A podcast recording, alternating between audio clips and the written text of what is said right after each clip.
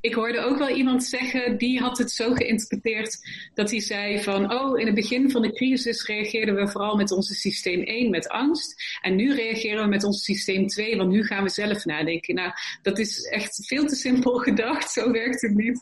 Uh, we zijn altijd met onze systeem 1 en 2 in de weer, dus uh, ook nu weer. En nu, um, inderdaad, misschien was in het begin angst de grootste drijfveer om um, te doen wat er van je gevraagd werd. En is die angst nu een beetje weggeëpt. Maar dan komen er weer nieuwe emoties tevoorschijn waar je systeem 1 nu weer op reageert.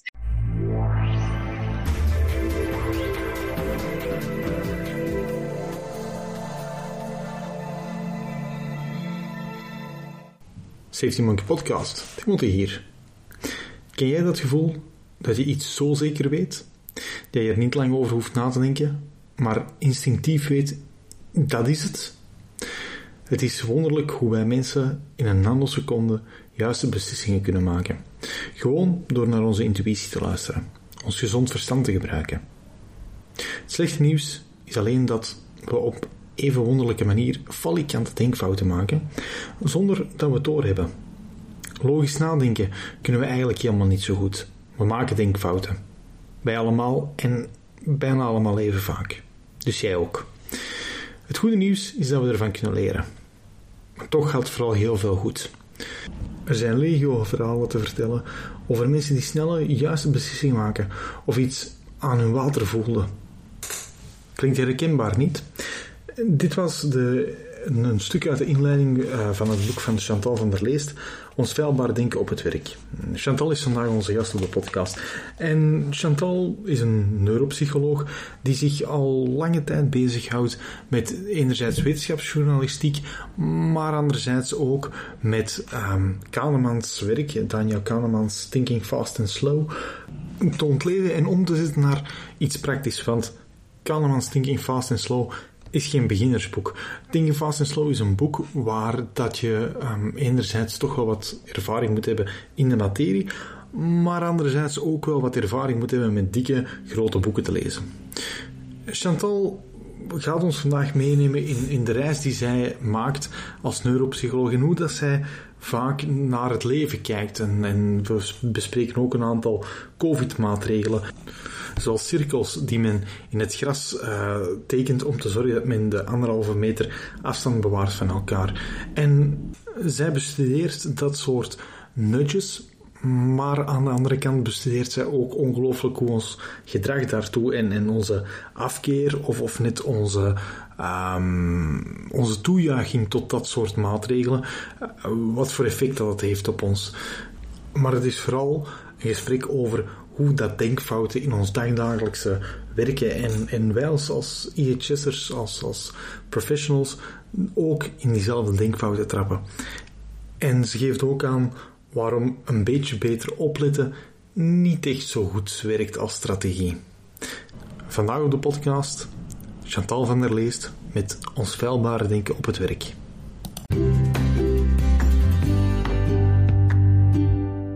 Hey, dag eh, Chantal, welkom op de Safety Monkey podcast. Uh, voor zij die jou niet kennen, kan jij je even voorstellen alsjeblieft? Uh, zeker. Uh, ik ben Chantal van der Lees dus. Ik ben gedragspsycholoog en werkzaam als communicatieadviseur en wetenschapsjournalist. En ik heb een boek geschreven, Ons denken op het werk, betere beslissingen en mindere denkfouten. Ah, ja, want daar zijn wij elkaar eigenlijk een beetje tegen het lijf gelopen, het virtuele lijf dan toch wel te, te verstaan. Ik was eigenlijk aan het zoeken naar een ISB-nummer van Kahneman's Thinking Fast and Slow. En jouw boek kwam daartussen en het, uh, het was eigenlijk een handboek uh, om Kahneman wat beter te begrijpen, denk ik. Uh, klopt dat ongeveer? Ja, dat is het wel. Ik denk dat je het een beetje moet zien als een, uh, als een, een, fijne instapper voor mensen die dat, die hele dikke pil in de boekenkast hebben staan en er maar niet aan toekomen. Uh, en dit is een mooie start en ook een, een praktisch handvat eigenlijk. Van hoe ga je nou met die theorieën van Kahneman nou zelf aan de slag? Want ja, systeem 1, systeem 2, het is toch allemaal zo makkelijk niet om, om even snel uit te leggen, of wel? Nee, nou, uh, in principe, je kan het heel makkelijk uitleggen. Uh, wat er meestal wordt gezegd is, systeem 1, dat is je automatische systeem. En ze zeggen vaak van, nou, dat is een beetje bedoeld hoe we zeg maar als oermens vroeger konden overleven. Dus hij kan heel snel beslissingen maken. Is dit een gevaarlijke situatie? Is deze persoon te vertrouwen? En snelle sommen maken, 1 en 1 is 2. Allemaal dingen waar je eigenlijk helemaal niet over na hoeft te denken. Die je meteen weet met snelle vuistregels. Dat is allemaal je automatische systeem. En dan heb je dus nog een ander systeem. En heel veel mensen denken dat dat een denkwijze is die je later hebt ontwikkeld toen we zeg maar meer rationele mensen werden. En daarmee kun je hele ingewikkelde sommen uitrekenen en moeilijke vaardigheden leren. Um, een hypotheek uitpluizen. Maar wat het lastige daaraan is, want dit is een hele makkelijke tegenstelling. Ik noem ze vaak ook wel Bert en Ernie, dan is, wordt het nog, nog wat duidelijker. Ernie is dan inderdaad dat impulsieve en de hele tijd gek doen. En die is eigenlijk heel erg slim, maar dat hebben we niet zo door. En daarnaast uh, staat dus inderdaad een beetje een mopperige systeem 2, die eigenlijk denkt van laat me met rust, ik heb hier helemaal geen zin in. En die eigenlijk zo min mogelijk doet.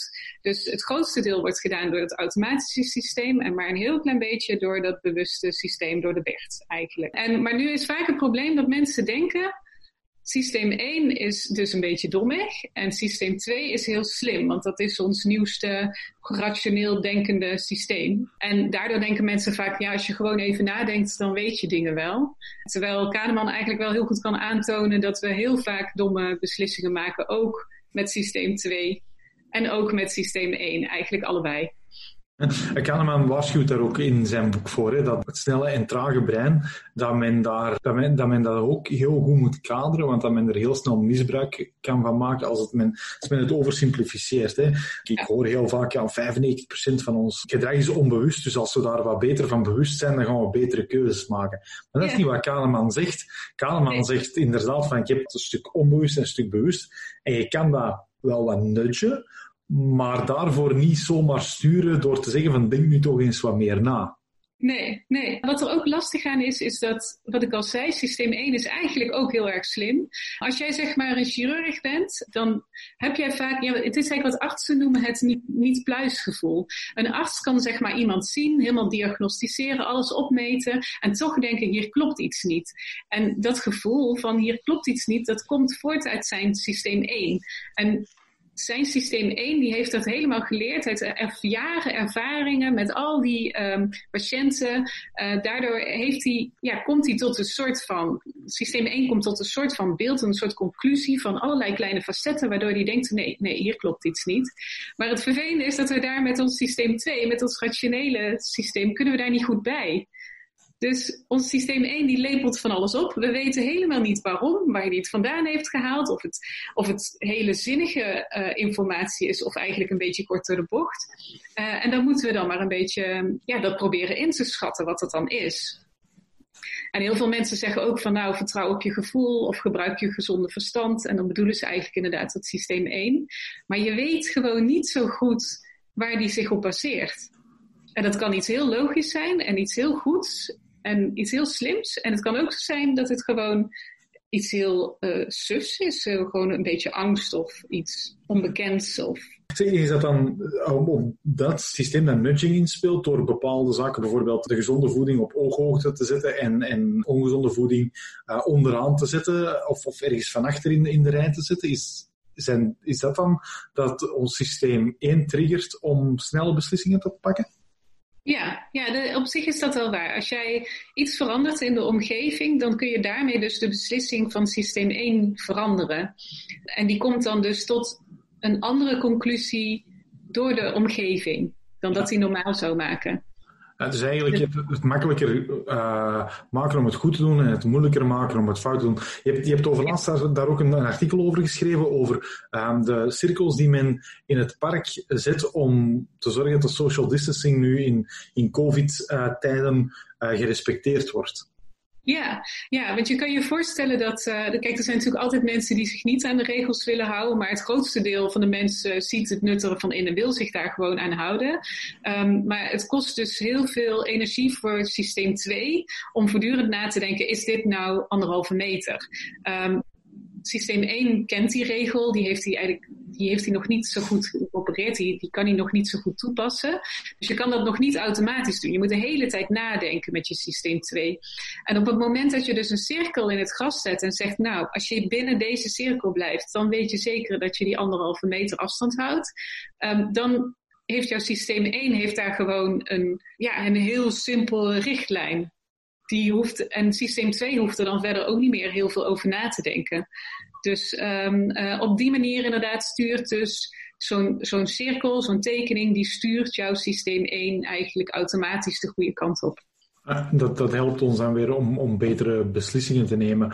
Want ook een, een, een die je bespreekt, dat zijn de, de beslissingen in onzekerheid.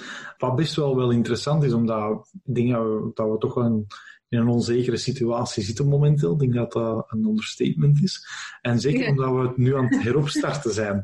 Want ja, we weten niet wat er morgen gaat gebeuren. We, we hopen dat dat allemaal goed blijft gaan. En, en we zijn nu hè, twee weken nadat er toch wel de maatregelen hier in België versoepeld zijn. De, de cijfers blijven gunstig. Maar hoe, die, die onzekerheid, die beslissingen die, die we daarin nemen, dat is ook een punt waar we het heel moeilijk nemen als, als menselijke soort. Hè? Ja, ja, sowieso. Onzekerheid is niet iets waar we heel erg van houden. En ik, ik hoorde ook wel iemand zeggen, die had het zo geïnterpreteerd dat hij zei van, oh, in het begin van de crisis reageerden we vooral met onze systeem 1 met angst. En nu reageren we met ons systeem 2, want nu gaan we zelf nadenken. Nou, dat is echt veel te simpel gedacht. Zo werkt het niet. Uh, we zijn altijd met onze systeem 1 en 2 in de weer. Dus uh, ook nu weer. En nu, um, inderdaad, misschien was in het begin angst de grootste grootste drijfveer om um, te doen wat er van je gevraagd werd. En is die angst nu een beetje weggeëpt, maar dan komen er weer nieuwe emoties tevoorschijn waar je systeem 1 nu weer op reageert. Ik, ik vond namelijk ook grappig wat ik ook iemand hoorde zeggen. Ik, ik geniet heel erg van deze periode hoor, want het is een periode waarin er eigenlijk aan de vleet denkfouten worden gemaakt.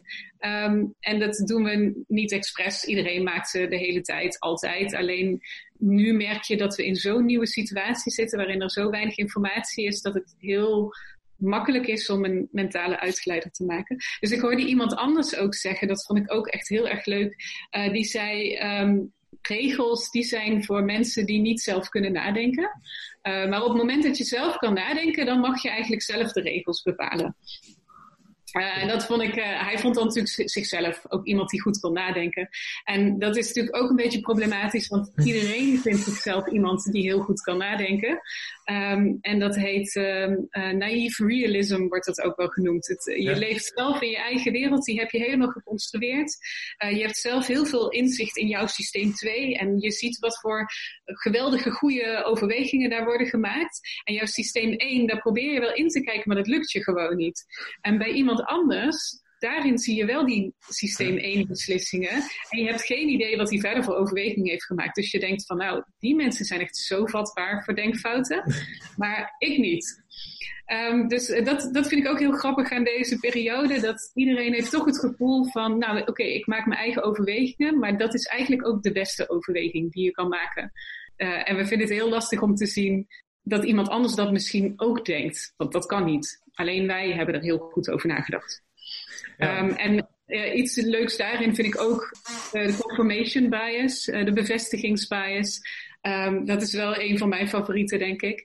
En ik doe dat zelf ook. Ik, ik zelf vind, het, in, in Nederland is het nu de bedoeling dat als je met het openbaar vervoer gaat, dat je een mondkapje draagt. Ja, hier ook. Uh, en ik vind, uh, terwijl er is bij ons is van meet af aan gezegd, uh, mondkapjes zijn schijnveiligheid en ze, ze zouden het ook nog wel eens erger kunnen maken op het moment dat mensen ze niet goed gebruiken. En dat geloof ik heel erg, want het lijkt mij gewoon heel vervelend om een mondkapje op te hebben. Dus en dan denk ik, oh, dat zit daar dan. Oh, en ik hou er helemaal niet van, dingen op mijn gezicht. ik vind een bril ook al heel lastig. En, en je ziet mensen hun gezicht niet goed. En ik, ik vind het onnatuurlijk. En, maar dat is allemaal gevoel. En dat komt allemaal uit mijn systeem 1. En vervolgens ga ik dus inderdaad in al die wetenschappelijke literatuur zitten zoeken. Zo van, zie je wel, het is schijnveiligheid. En het slaat nergens op. Terwijl andere mensen, op Twitter vooral, die zijn juist heel erg van overtuigd dat we dit moeten doen. Die posten ook al hele trotse foto's met hun gekke mondkapjes.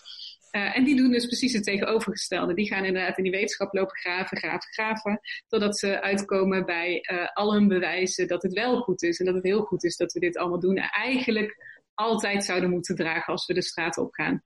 Ja, het is natuurlijk ook wel, Twitter heeft de voorbije twee, drie maanden miljoenen, miljoenen, miljoenen virologen verder gebracht. Hè?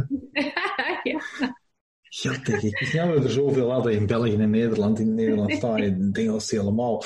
Um, en dat is inderdaad wel, wel grappig, omdat je daar ergens, ja, die denkfout die, die je maakt, hè, mensen die nu achter, um, zeggen van ja, zie je nu wel, we moesten toen mondmaskers gaan, gaan, uh, gaan bestellen. En ik heb, dat, ik heb dat absoluut toen gezegd en niemand geloofde mij. En dan denk ik van ja, goh, weet je, um, een mooi voorbeeld daarvan is in Nederland. Een paar jaar geleden met de Mexicaanse griep heeft Rutte toen gigantisch veel vaccins besteld. En die hebben ze allemaal moeten weggooien, want dat was voor miljoenen aan, aan vaccins, ja. um, die men toen heeft moeten weggooien. Nu, daar wil ik niet van zeggen dat, dat de mensen die kritiek leveren nu, dat die, dat die per definitie fout zijn, maar het is ook wel gemakkelijk en dat is ook weer een, een denkfout die Kahneman heel mooi heeft uitgelegd in zijn boek, dat wanneer je de oplossing in de hand hebt, dat toch nogal redelijk makkelijk is. Hè? De, um, de hindsight bias. De hindsight bias, juist, ja, ja inderdaad. Zeker. Ja, ja, ja, dat het is natuurlijk heel lekker om... Uh, nou ja, en ook wat Kahneman ook dus uh, vertelt, is dat als je mensen dus confronteert met, uh, het was bijvoorbeeld met de verkiezing van Trump was dat, dat als je dan mensen van tevoren vraagt van uh, hoe groot acht jij de kans dat Trump wordt gekozen als pre president, dan, dan is dat ongeveer, nou ja, wat zal het zijn, dan zal het 50-50 zijn. En als je dan nu vraagt van had jij kunnen voorspellen dat Trump president werd, nou dan had iedereen dat kunnen voorspellen. Maar ook met de kennis van nu is het zo moeilijk om voor te stellen hoe je er vroeger in stond. En ook inderdaad, want dat is ook zo'n zo'n manco van systeem 1. Je kan hem niet negeren. Dus hij lepelt al die gevoelens op en, en ideeën. En, en inderdaad, van nu is het zo'n waarheid dat Trump president is. Dat je kan helemaal niet meer voorstellen hoe je leven toen was en hoe je er toen in stond. En dat, dat is gewoon kwijt, dat gevoel. Absoluut. En kunnen we, um, zijn er ook technieken die ervoor kunnen zorgen dat we die denkfouten um, op een of andere manier op voorhand wat proberen te ja, goh, vermijden niet, want ik denk niet dat, dat je dat zomaar kan. Maar ik denk wel dat, het mogelijk is dat, je op een of andere manier rekening houdt met die denkfouten door, door misschien ja, trager te voor te bereiden, meer voor te bereiden, meer voor te denken dan na te denken? Of ben ik daar fout in? Um, nou ja, het, het, het lijkt dan inderdaad makkelijk. Wat, wat ik ook al zei, mensen denken van, goh, je denkt gewoon even na en dan kom je wel op het goede antwoord. Um, en het is wel ingewikkelder dan dat. En, um, maar er zijn eigenlijk meerdere dingen die je kan doen om te zorgen dat je minder denkfouten maakt. En het ene is je erin verdiepen. Nou, daar ben je goed mee bezig. Uh, Kahneman lezen, mijn boek lezen, helpt allemaal. Uh, dan met een beetje geluk herken je het dan. Dat, net als dat ik van mezelf zeg van, oh ja, dat is echt zo'n confirmation bias, heb ik ook last van. Um, en het andere is dat je, als je weet dat je in een situatie komt waarin een mogelijke denkfout zou kunnen optreden, dat je zegt, um, ik zorg dat ik die situatie verander voor mezelf, zodat ik niet, want ook al weet je het, uh, dan alsnog ga je die denkfout maken. Uh, Kahneman had een mooi voorbeeld met, um, het corrigeren van zijn uh, tentamens van zijn studenten. Hij wist dat als jij eerst een heel goede student hebt beoordeeld en je gaat dan vervolgens naar het volgende tentamen van de volgende student en die doet het heel slecht, dat je hem onwillekeurig vergelijk je met de vorige. Dus iemand die achter iemand ligt die heel goed is, die zal altijd nog minder punten krijgen. En dan heb je ook nog naar het einde toe dat je denkt, goh, um, uh, nu heb ik wel heel veel voldoendes. Nou, dan ga ik nog even wat kritischer kijken, want deze mensen die moeten wat meer, er moeten er nog wat meer onvoldoendes zijn. Dus er spelen allerlei, uh, uh, ja, allerlei processen daarin die dus studenten eigenlijk kunnen benadelen. En omdat Kahneman, ja, hij zat natuurlijk in die materie, die wilde dat voorkomen. Dus die ging shuffelen. Die ging uh, per vraag nakijken en dan ook um, uh, ondertussen alles veranderen uh, van volgorde, zodat niet telkens dezelfde student achter dezelfde student kwam. terwijl hij is inderdaad een groot brein, een hele slimme man, maar hij was zo slim om te weten van ook mijn brein is vuilbaar en ook ik stink in deze dingen, ook al wil ik dit niet. Um, en de derde is inderdaad, dat heet debiasing. Um, en dat is echt dus het proberen anders te denken, zodat je dus denkfouten voorkomt. En dat is echt best wel pittig. Um, ik stel vaak aan mensen de vraag: wat, wat is niet de hoofdstad van Frankrijk? Ehm, en dan heel veel mensen zijn dan bang dat ik denk dat ze Parijs gaan zeggen. En dan zeggen ze, ik weet heus wel dat het niet Parijs is. Dus zeg ja oké. Oké, dus wat is niet de hoofdstad van Frankrijk? Ehm, en dan zeggen ze nou uh, Bordeaux of Lyon of Brussel of uh, Amsterdam. En dan zeg ik, oké, nou dat is mooi. Dat zijn allemaal steden die inderdaad niet de hoofdstad van Frankrijk zijn. Maar hoe zit het dan met mijn schoen? Is dat de hoofdstad van Frankrijk? Of met een gedachte. Is een gedachte de hoofdstad van Frankrijk? Wij zijn heel erg geneigd dat als ons een vraag wordt gesteld, in die vraag zitten al allemaal regeltjes, allemaal denkrichtingen. Dus als je aan iemand vraagt wat is de hoofdstad van Frankrijk, dan denken mensen, oh, we zijn op zoek naar een stad. Terwijl wie zegt dat? Ik zeg niet dat ik op zoek ben naar een stad. Ik zeg niet welke stad is niet de. Dus, um, maar om dus echt vrij te denken, voorbij alle regeltjes die systeem 1 jou oplegt, dat is gewoon echt heel ingewikkeld. En nou is inderdaad, Kahneman is redelijk cynisch over of we dus beter kunnen nadenken. Hij vindt eigenlijk de mensheid een beetje verloren. Hij zegt, um, denken is voor mensen zoals zwemmen is voor katten. Ze kunnen het, maar doen het liever niet. Dus nou ja, als je, van, als je het van Kahneman moet hebben, dan denk je, god, nou ja, dit, dit wordt helemaal niks met ons. En hij had een, um, of heeft een, een nemesis, een andere onderzoeker, die is ontzettend optimistisch. En uh, hij heet uh, Gary Klein. En ze hadden een beetje een hekel aan elkaar. Want Kahneman zat dan te sombermanzen en Klein die, die zat allemaal te halleluja en oh, zoveel inzichten. En dat ze vonden het eigenlijk zo vreselijk wat ze allebei zeiden, dat ze dachten, weet je, wij gaan samen nadenken over een oplossing hiervoor. Uh, dus zij zijn samen gaan nadenken en ze hebben een methode bedacht, de pre-mortem analyse. En hiermee kun je inderdaad op een andere manier gaan kijken naar ja, projecten. Daar is het voor bedoeld, voor projecten in, uh, in werksituaties. Ja, fouten die je normaal zou maken als je gewoon in je normale denktrand blijft, uh, die kun je dan onderscheppen. Ja, dat lijkt me wel interessant, die pre-mortems. Ik herken het van uh, Bob Edwards, die binnen Human Organizational Performance toch al, al heel ver staat. Um, hoe zag Kahneman dat? Ja, wat, uh, wat ze samen hadden bedacht is dat je voor een pre-mortem analyse, dat je daar eigenlijk een analyse gaat doen aan het begin van een project. Want wat we meestal doen is, we wachten tot het project helemaal is afgelopen. Dan gaan we weer met z'n allen bij elkaar zitten en gaan we eigenlijk een postmortem doen. Gaan we met z'n allen kijken, oké, wat is er allemaal gebeurd? Hoe ging dat? Uh, wat ging er goed? Wat ging er slecht? Hoe kan het beter volgende keer? En zij zeiden, nee, dat is echt zonde. Het is echt zonde uh, om dan achteraf te kijken van well, hoeveel dooien er zijn gevallen en daar dan niks meer aan te kunnen doen. Dus zij zeiden, nee, we gaan uh, op het moment dat jouw project, eigenlijk uh, jouw projectplan staat al helemaal klaar in de stijgers, je weet wat je gaat doen, op dat moment groep je het hele team samen en ga je zeggen, je gaat eigenlijk je eigen positie, je normale denkpositie, die ga je veranderen en je gaat zeggen, we zijn niet in het nu, maar we zijn in de toekomst. We hebben een glazen bol en daarin kijken we en we, we, zien, uh, we zien de toekomst. En daarin zien we dat ons project falikant mislukt is. Het is één grote mislukking geworden.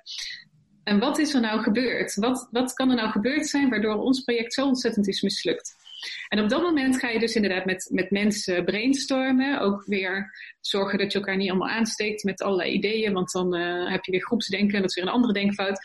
Uh, dus uh, iedereen moet op geeltjes schrijven en dan uiteindelijk weer delen. En dan mag je helemaal vrij denken over alles wat er mogelijk mis is gegaan. Waardoor jouw project een mislukking is geworden. En oh, negatief zeggen mensen dan, oh, zo wil ik toch helemaal niet over mijn project nadenken. Maar uh, het is, ja, je moet het meer zien alsof je een soort van superheld bent die de wereld gaat redden. En dus inderdaad, uh, juist het, uit een soort van, ja, we gaan echt gewoon zorgen dat dit project perfect is en dat elk foutje eruit ge, ge, gefilterd is. Zo moet je het eigenlijk meer zien. Uh, en op het moment dat je dus inderdaad zo'n ander standpunt inneemt, dan blijkt dus dat je ja, eigenlijk loskomt en daardoor ik geloof 40% minder denkfouten maakt dan dat je normaal zou maken. Ja, inderdaad, dat is wel, wel gigantisch.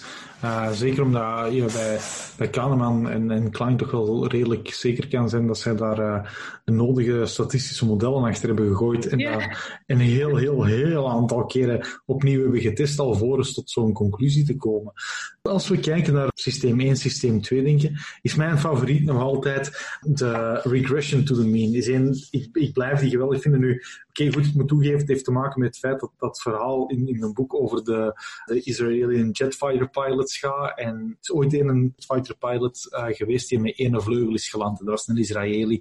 Uh, is iets dat dat eigenlijk totaal niet kan, uh, maar hij heeft het dan toch blijkbaar gekunnen. En het, het, het leuke, het knappe aan dat verhaal was daar, dat was die regression to the mean, de regressie in dat gemiddelde, waarbij dat men ging kijken of dat kritiek werkt of niet. En het gekke was, het, het werkt maar daardoor werkt het niet. Want het werkt ook niet en daardoor werkt het wel. Ik vind dat zo fascinerend, want dat is iets dat we in het dagdagelijks leven nog zo vaak gebruiken.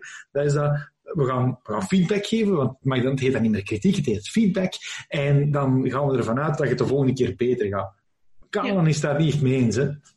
Nee, nee hij, hij zag inderdaad van dat. Uh, ik geloof ook, hij sprak een zakenman en die, of een manager. En die zei ook inderdaad van: wat is er aan de hand met mijn mensen? Want geef ik ze een compliment, dan gaan ze slechter presteren. Geef ik ze kritiek, dan uh, gaan ze beter presteren. Dus uh, ja, weg met al dat positieve gedoe. Ik ga gewoon alleen nog maar kritiek geven, want blijkbaar werkt dat het beste. En uh, Kahneman die liet inderdaad zien van, ja, het is eigenlijk een statistisch foefje waar we intuinen. Uh, je kan er eigenlijk van uitgaan dat, uh, stel je hebt tien mensen in je team en ze zijn eigenlijk allemaal even goed. Uh, ze hebben allemaal dezelfde opleiding gehad, evenveel talent, uh, evenveel ervaring. Dan zal toch altijd de ene beter presteren dan de ander. En dat is eigenlijk gewoon een kwestie van geluk. Hetzelfde als, je hebt wel van die uh, oh, trouwens, dat is leuk. Ja. Je hebt tegenwoordig van die knikkerbanen, dat zijn stel Nederlanders, die hebben van die knikkerbanen verzonnen. Dan doen ze alsof het races zijn met knikkers. Dus dan zit je naar een filmpje te kijken met heel spannend commentaren over of blauw gaat winnen of groen of en rood haalt in en die trekt nog eens van leer. En daardoor lijkt het in één keer net alsof die knikkers inderdaad emoties hebben en mensen zijn die, die motivatie hebben. En, en, en nou ja, we verzinnen daar, dat is ons systeem één ten voeten uit echt. We verzinnen allerlei verhalen bij dingen die eigenlijk geen verband hebben. En uh, dat doen we dus eigenlijk bij regressie naar het gemiddelde doen we hetzelfde. We verzinnen dus een verhaal. Op het moment dat een van die tien medewerkers uh, iets gigantisch goeds voor elkaar heeft gekregen, dan zeggen we ja, dat zag ik altijd eigenlijk wel. Dat is echt gewoon een talentvolle dame en dat wist ik eigenlijk altijd al. En degene die dan slecht presteert, dat is zo van ja, ja we hadden ook al twijfels toen we hem aannamen. Dus dan hebben we daar een praatje over gemaakt in ons hoofd. Ga je die mensen opnieuw nog een keer door die knikkerbaan gooien, dan blijkt dus inderdaad dat dan in één keer een andere winnaar uit de bus komt. En dan uh, inderdaad, dan diegene die je complimentjes hebt gegeven, die het heel goed deed, die doet het dan slechter. En degene die het heel slecht deed en die je kritiek hebt gegeven, die komt misschien net weer iets beter uit de, uit uit de knikkerbaan. Uh, het is eigenlijk allemaal toeval, maar wij hebben er allemaal verhaaltjes bij gemaakt. Waardoor dus inderdaad complimentjes dus het averechtse effect lijken te hebben. Omdat we denken, ja, je geeft een compliment, hij doet het slechter. Maar het bleek dus dat hij het statistisch gezien gewoon extreem goed deed. En het kan niet anders als dat hij het de volgende keer gewoon weer slechter doet. Dat hij weer naar het gemiddelde toetrekt. Ja, het is inderdaad wel, wij, als mensen zijn daar wel heel vatbaar voor. Het Halo-effect is ook zo weer dat, uh, dat, dat, jij ook bespreekt in je, in je boek. En um, Inge Mink heeft daar ook op een een heel mooie blog over geschreven, um, over de one-trick pony. En dat men uh, bedrijven heeft die het ene keer heel goed doen en dat dan de grote managementboeken schrijven rond die one-trick pony. Terwijl dat eigenlijk helemaal niet zo logisch is dat, dat dat op die moment gebeurt. Want men kan gewoon ongelooflijk veel geluk hebben. En ik denk in een farma-omgeving dat, dat je daar ook heel sterk in ziet, in, in hoe, ja, regression to the mean is dat dan niet, maar um, hoe dat die one-trick pony je helemaal kan misleiden. Want daar heb je één medicijn dat uitkomt. Als, als er één medicijn op de, op de markt komt, dan hebben we er honderd of ja, een, honderdtal de, de, het einde niet gehaald. En die, die experimenten kunnen al heel ver zijn gevorderd. Die stramine zijn ook allemaal hetzelfde, maar ja, eh, en dat kan van vele factoren afhangen. Het werkt niet, dat is meestal al wel een goede om te stoppen. Maar het kan ook zijn dat, dat het gewoon niet meer, tegen dan de, de, de plaag niet meer bestaat. Of dat uw, uw concurrent u voor was. En toch denken we van die succesverhalen, daar moeten we ons eigenlijk op concentreren. Terwijl ik denk van, ja, maar moeten we misschien ook eens niet wat meer kijken naar hoe dat dingen gaan zoals ze gaan, alvorens yeah. daar conclusies aan te trekken? Ja, ja ken je ook het uh, principe van de survivorship bias? Dus ja. uh, wat, dat is het eigenlijk. Uh, we, we, hebben inderdaad de neiging om te kijken naar de winnaars. En dan denken we, oké, die hebben alles goed gedaan. Ik wil doen wat zij doen, want dan word ik ook een winnaar. Ja. Um, en inderdaad, daar zijn die managementboeken ook op gebaseerd. En ook uh, dan zeggen we van, oh ja, Mark Zuckerberg en Bill Gates, die hebben allebei een school niet afgemaakt. Dus hè, vergeet die school. Dat hoeft allemaal niet, want dat hebben zij ook niet. En wat we inderdaad over het hoofd zien, is dat alle pech eigenlijk die ze toevallig niet hebben gehad. Als Mark Zuckerberg of Bill Gates heel veel pech had gehad in zijn leven, dan waren ze niet geworden wie ze waren. En ze zijn dus inderdaad ook geen onoverkomelijke hobbels tegengekomen. Dus uh, alles, want ze, vaak is het ook wel zo'n verhaal, hè, van oh, toen gebeurde dit en toen deed ik dat en toen kwam het toch nog allemaal goed. Terwijl, ja, blijkbaar was dat toch niks wat ze echt nekte. Het was, het was een tegenslag, oké, maar het was niet iets wat dus hun concurrentie, die dus inderdaad uh, uh, Hives hadden opgericht of een ander leuk platform, uh, die hebben iets anders meegemaakt, wat dus blijkbaar echt een, een game killer is dan eigenlijk. En daar vergeten wij naar te kijken. Dus we kijken inderdaad alleen maar naar de successen en niet naar dingen die ons doen falen eigenlijk. Survivorship bias, dat is echt wel een, een, een, geweldig verhaal. De Abraham, ik weet niet de, het verhaal van Abraham Walt kent, Panzer op de vliegtuigen. Ja, en die, uh, dus de vliegtuigen die terugkwamen met de gaten, hij, hij zei van ja, je moet, je moet eigenlijk daar net, uh, je moet daar geen panzer op leggen, want ja, vliegtuig dat zwaar is, stijgt niet op, niet, niet zo praktisch, verbruikt veel meer kero, dus dat is ook uh, niet zo praktisch. En je moet het doen op de punten die niet geraakt zijn, maar op de cruciale punten. En, en dat, dat heeft heel lang op, op weerstand geleid, want dat was helemaal niet zo logisch. Terwijl dat dan, ja, eigenlijk uiteindelijk als je het dan achteraf met de oplossing in de hand ziet, zeg je van, ah ja, tuurlijk dat, want degenen die terugkomen, die hebben het overleefd. Ja. Bij, bij, een, koffie, een koffieapparaat, weet je, um, Abraham Walt en zijn vrouw zijn later overleden in een uh, vliegtuig. Nee, ja. echt waar? Ja. Je, kunt, je kunt niet alles voorspellen, dus... Nee als je nu naar, naar de werkplek kijkt en zeker naar, naar productieploegen en naar ploegenwerking, welke, ja, welke denkfout zou jij zeggen van die moeten we eigenlijk wel proberen zo snel mogelijk bespreekbaar te maken enerzijds en anderzijds, wat kunnen we eraan doen om ze uh, met een aantal quick wins toch wel uit te schakelen?